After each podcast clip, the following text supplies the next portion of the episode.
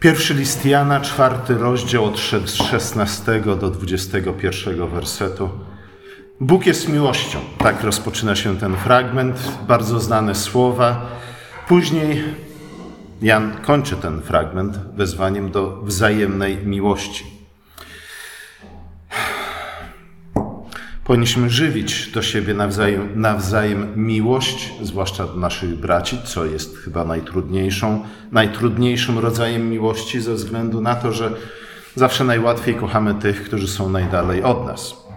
Dlatego nasz ulubiony francuski filozof mówił, że w kontekście miłości bliźniego mówił zawsze o miłości tego jakiegoś abstrakcyjnego bliźniego, który mieszka na drugiej stronie planety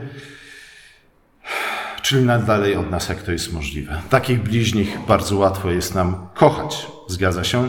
Ze względu na to, że nie wchodzą nam w drogę, ze względu na to, że jesteśmy w stanie spojrzeć na nich, nie dostrzegając y, żadnych ich wad, żadnych ich przywar, żadnych ich grzechów.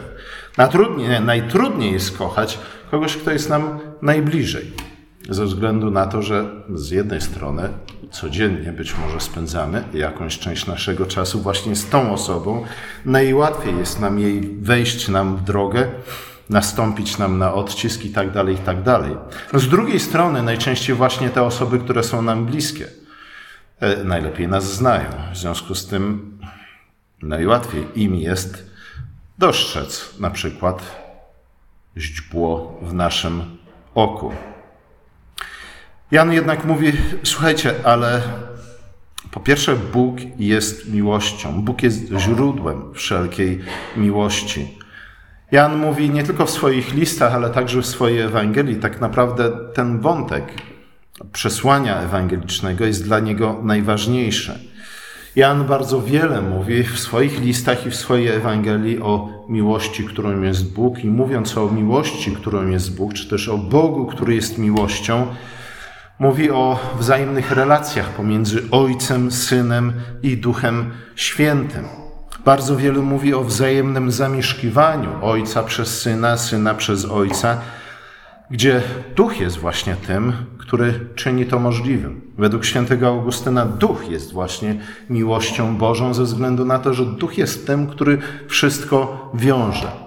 Duch jest tym, którego moglibyśmy nazwać wielką boską swatką, ze względu na to, że On jest tym, który to, co podzielone, łączy.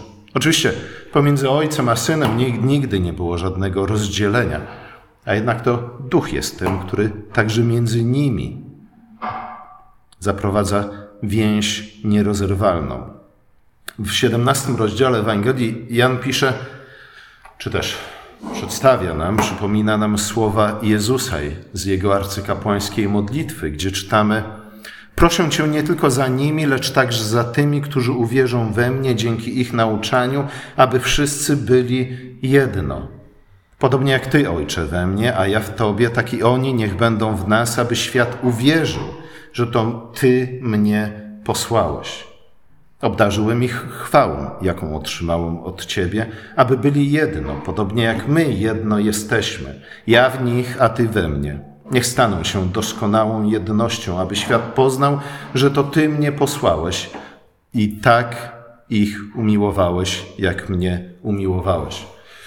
Jedność, dzięki której świat pozna Ewangelię. Jedność, dzięki której świat pozna Ojca poprzez Syna, ale również poprzez nas. Ze względu na to, że my teraz, Kościół, jesteśmy ciałem Chrystusowym, jesteśmy cielesną obecnością Boga na świecie. Ale oczywiście jedność szczególnego rodzaju, a tak naprawdę jedyna możliwa jedność pomiędzy osobami, Jedność, która jest oparta na miłości. Bardzo wiele razy, na różne sposoby, ludzkość chciała osiągnąć tę jedność.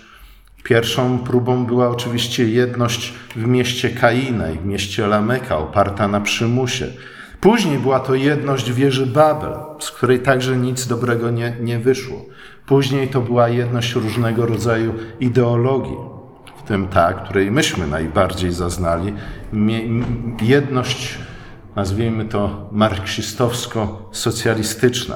Jedność, która znów, podobnie jak w mieście Kaina, była o wiele bardziej oparta na przymusie niż na czymkolwiek innym. Jedność, w której nie było rozróżnienia na osób. Jedność, w której tak naprawdę istniała tylko i wyłącznie jedna osoba, a mianowicie pierwszy sekretarz. Jedność, która oznaczała nie społeczeństwo wolnych osób, ale kolektyw, przypominający bardziej mrowisko niż społeczeństwo. Jezus mówi o wzajemnym przebywaniu, czy też o wzajemnym zamieszkiwaniu w sobie Ojca i Syna. Bardzo wiele moglibyśmy na ten temat mówić. Jeśli jesteście zainteresowani tym tematem, poszukajcie na naszej stronie zboru artykuł dotyczący perychorezy. Syn mieszka w Ojcu, Ojciec mieszka w Synu. Ojciec mieszka w Synu poprzez Ducha, Syn mieszka w Ojcu przez Ducha.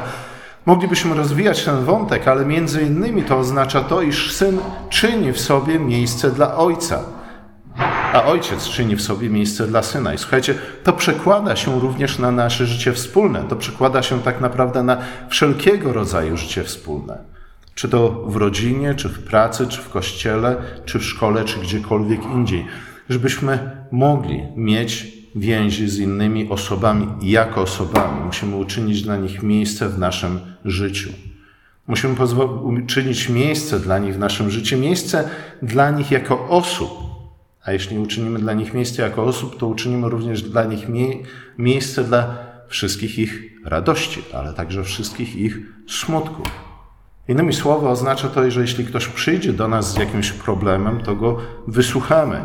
Jeśli podzieli się z nami jakąś radością, to będziemy razem z nim się weselić. Jeśli z kolei zauważymy w jego oku jakąś, jakieś, jakieś źdźbło, to upewniwszy się o tym, że wcześniej wyciągniemy belkę z naszego oka, powiemy mu o tym i pomożemy mu się uporać z tym problemem. Wiele o tym można by było mówić, ale właśnie dlatego tak bardzo ważne jest nauczanie Jana na temat wzajemnych więzi pomiędzy Ojcem i Synem i Duchem Świętym. Ważne jest również z tego względu, ze względu na to, iż dla Jana to jest tak naprawdę kulminacja Ewangelii.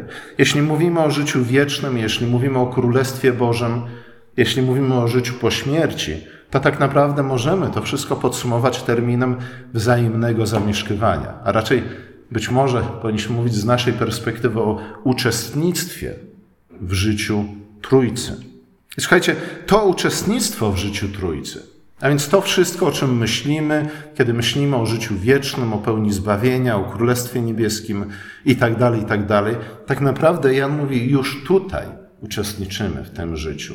A tym uczestnictwem w życiu Trójcy jest uczestnictwo w życiu ciała Chrystusa, bo skoro Chrystus został wzięty do nieba w ciele, nadal pozostaje jednak jednym z Trójcy. Dlatego my, jako Jego ciało, już teraz mamy udział w życiu Trójcy.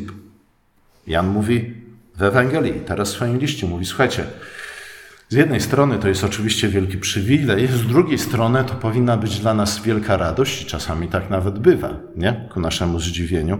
Ale z trzeciej strony mówi, słuchajcie, to jest właśnie to zobowiązanie, które wiąże się z byciem dzieckiem Bożym. Abyśmy rzeczywiście żyli, uczestniczyli w tym życiu Trójcy, uczestnicząc w życiu Kościoła, a to oznacza okazując sobie nawzajem miłość. Tyle tylko tyle i aż tyle. Wiemy, że to wzajemne zamieszkiwanie jest możliwe dzięki Duchowi Świętemu i również o tym przypomina nam apostoł. E, jest to duch, który świadczy o tym, że Bóg mieszka w nas, a my w nim. Ale znów, w jaki sposób Duch Święty świadczy o tym? Czy powinniśmy oczekiwać tego, że Duch Święty będzie świadczył nam o tym w jakiś sposób całkowicie bezpośredni, bez pomocy tego, co zwykle nazywamy środkami łaski? Nie. Oczywiście Duch Święty mógłby to uczynić, ale nie jest to sto, sposób, w jaki Ojciec i Syn nakazali Duchowi działać w naszym życiu. Dlatego, kiedy czytamy o życiu pierwszego Kościoła, kiedy czytamy dzieje apostolskie, to widzimy, że no, dokładnie na tym polegała misja Ducha Świętego. Kiedy Duch Święty został dany Kościołowi, to oczywiście mówiono innymi językami, na świadectwo dla Żydów, aby uczynić ich, za, uczynić ich zazdrosnymi, aby zaczęli, zapragnęli szukać Ojca i rozpoznać w Chrystusie Mesjasza. Ale z drugiej strony widzimy, że natychmiast to posłanie Ducha Świętego i zwiastowanie Ewangelii w mocy Ducha Świętego przełożyło się na życie wspólne. Czytamy już w drugim rozdziale dziejów apostolskich, iż, nie tylko, że przybywało uczniów każdego dnia, ale także to, że razem, wspólnie każdego dnia zbierali się w świątyni. I że tak naprawdę ich życie wspólne polegało na tym, na, na wspólnym łamaniu chleba, na trwaniu w nauczaniu apostolskim i tak dalej, i tak dalej. Widzimy, że było to życie wspólne.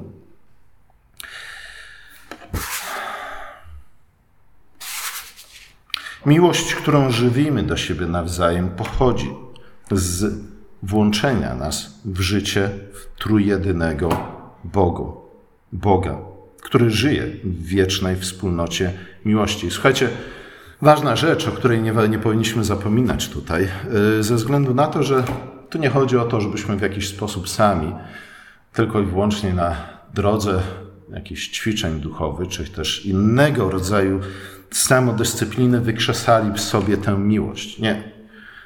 Jan powtarza wielokrotnie, mówi, słuchajcie, musimy zostać najpierw włączeni w to życie Trójcy. Musimy być włączeni w życie miłości, czy też we wspólnotę miłości Ojca, Syna i Ducha Świętego. A jesteśmy włączeni w tę wspólnotę, kiedy zostajemy włączeni w ciało Chrystusa, w Jego Kościół.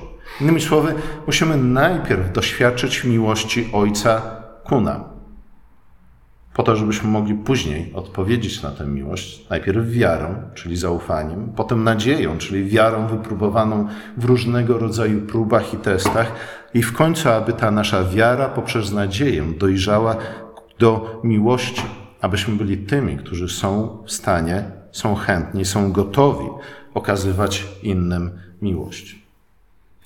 Następnie Jan mówi, iż jednym z rezultatów trwania w miłości i trwania w Bogu jest to, że zostajemy uwolnieni od strachu przed sądem.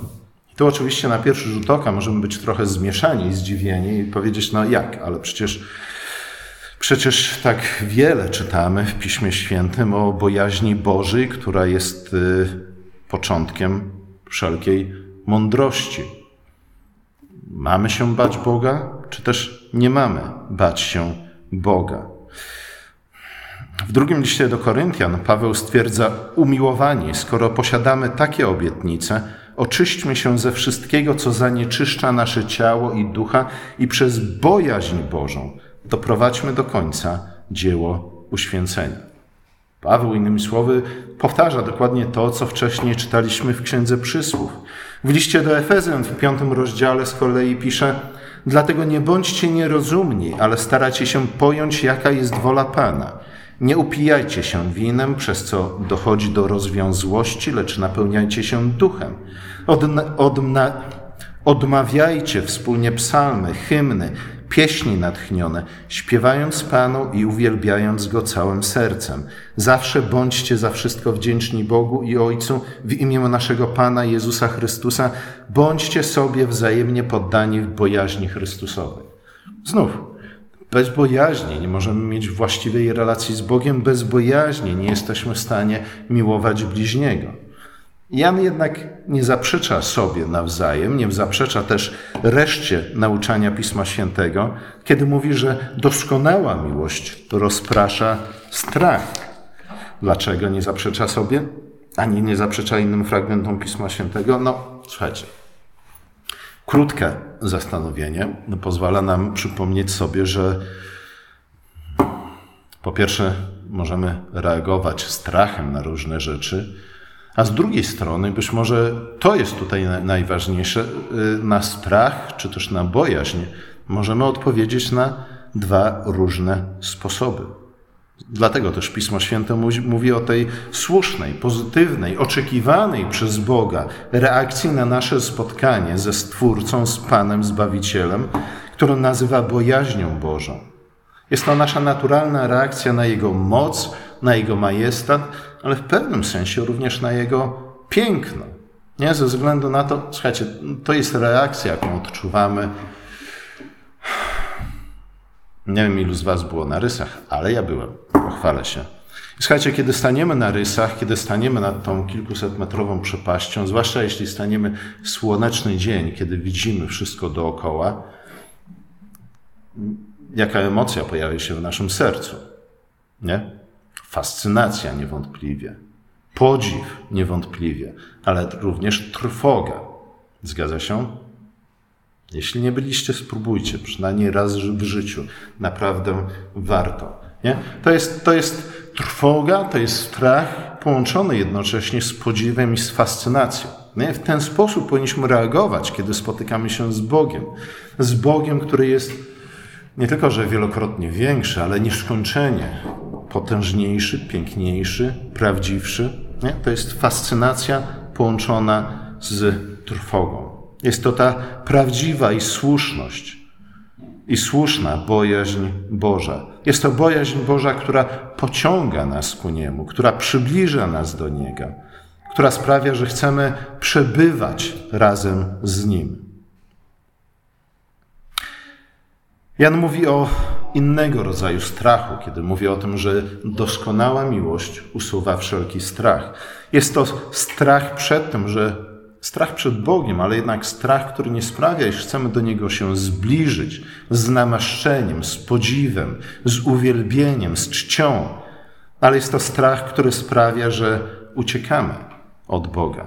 Jest to strach Adama, który po upadku w ogrodzie ukrył się przed Bogiem. I nawet kiedy Bóg go wołał, to nie chciał przed nim stanąć. Tego rodzaju strach, tego rodzaju lęk przed Bogiem jest wypierany przez miłość, którą okazał nam Bóg w Chrystusie. Ponieważ Bóg dał nam swojego syna, nie mamy w związku z tym powodu do tego, aby obawiać się jego kar. Oczywiście już wcześniej Zanim syn stał się ciałem, nie mieliśmy powodu do tego, ze względu na to, że historia Starego Testamentu jest właśnie historią tego, w jaki sposób Pan Bóg okazuje miłość swojemu ludowi. Innymi słowy, każdemu, kto zechce do niego przyjść, każdemu, który spotykając się z Bogiem, zmierza ku niemu, przybliża się ku niemu, mimo strachu, mimo lęku. On jest naszym ojcem. I nawet jeśli nas karci, to czyni to dla naszego zbawienia, nie po to, aby nas zniszczyć. Słuchajcie, w pewnym sensie y, w ten sposób moglibyśmy podsumować nauczanie reformatorów. O to tu chodziło. Kim jest ojciec i w jaki sposób mamy na niego reagować? Czy mamy traktować ojca jako kogoś, kto czyha tylko i wyłącznie nasz, na nasz upadek, na nasze potknięcie, po to, aby jeszcze bardziej nam przyłożyć? Czy też raczej czy też raczej jest to ojciec, o którym mówi Jezus na przykład w kazaniu na górze. Dobry ojciec, który doskonale wie, czego potrzebujemy, zanim jeszcze go o to poprosimy. Dobry ojciec, który chce dawać nam dobre dary. Podobny sposób jak przyodziewa kwiaty. Pięknem, którego nie doświadczył nawet Salomon, choć przyodziewa je na jeden tylko dzień. Jest dobry, i właśnie z tej swojej dobroci karmi ptaki niebieskie. I Jezus mówi, słuchajcie, o ileż bardziej Ojcu zależy na was. Nie?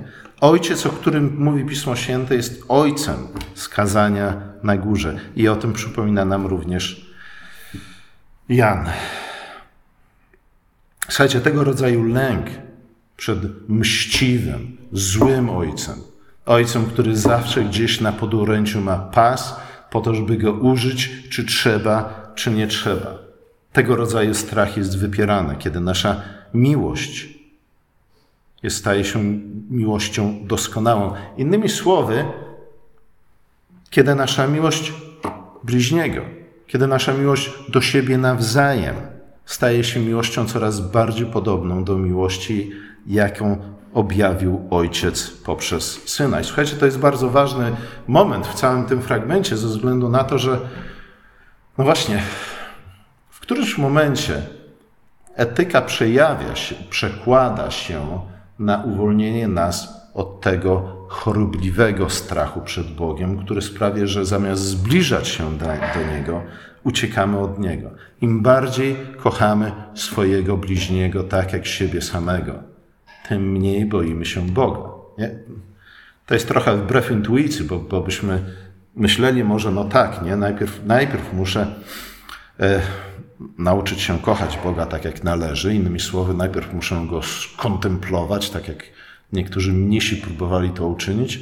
I później w jakiś sposób to przełoży się na etykę. To, to sprawi, że zapragnę rzeczywiście kochać mojego bliźniego. To sprawi, że będą do niego się, będą go po prostu traktować po ludzku, jako osobę, a nie jako przedmiot. Ale Jan mówi nie do końca, ze względu na to, że nie powinniśmy czekać do chwili, w której zapragniemy w jakiś spontaniczny, impulsywny sposób pomagać innym, okazywać innym miłość bliźniego. Jan mówi nie. Zacznijcie. Wiecie, że tak powinniście czynić. Nie? Zanim nawet cokolwiek poczujecie w swoim sercu, już zaczniecie okazywać miłość bliźniego. I w ten sposób wasza miłość staje, będzie stawać się doskonała i w ten sposób również wasz strach przed Bogiem, ten zły strach, który sprawia, że uciekacie od Boga, zacznie znikać w waszym życiu. W pewnym sensie to jest, na pierwszy rzut oka to jest może wbrew naszej intuicji, ale z drugiej strony, jak pomyślimy trochę o tym, może niekoniecznie, ze względu na to, że Jezus mówi w kazaniu na górze o, o, o, o złych ojcach, którzy, którzy dają dobre dary swoim dzieciom. Nie? Mówi, słuchajcie, no, źli ojcowie, y, któż z was, będąc złym ojcem, da swojemu dziecku kamień, jeśli ten poprosi go o chleb, albo skorpiona, czy też węża, jeśli dziecko poprosi go o rybę. O, słuchajcie, mnóstwo jest takich ojców, nie? Pełno jest takich ojców. W pewnym sensie być może to jest właśnie nasz problem z, z właściwą relacją e, z naszym niebiańskim Ojcem, ze względu na to, że być może nasze, nawet nasze własne doświadczenie, a może tylko i wyłącznie obserwacja tego, co dzieje się wokół nas, sprawia, że no, mało kto tak naprawdę chciałby, żeby Bóg, Ojciec, był taki jak ziemscy ojcowie, którzy niestety zbyt często dają swoim dzieciom węża zamiast ryby. To nie jest takie rzadkie, nie? My lubimy myśleć o sobie, że no, bycie ojcem czy, czy bycie matką, nie? Że, że ta miłość ojcowska, miłość matczyna, że jest czymś naturalnym, jakby zaprogramowanym w nas. Do pewnego stopnia tak, ale nie do końca. Może gdybyśmy byli lepszymi ojcami albo lepszymi matkami, świat byłby lepszy.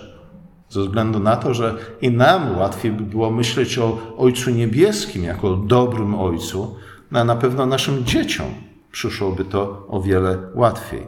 A zatem w pewnym sensie już tutaj, na poziomie tej podstawowej miłości, której teoretycznie każda istota ludzka pojawiająca na świecie, się na świecie powinna doświadczyć, miłości matczynej i miłości ojcowskiej, nie?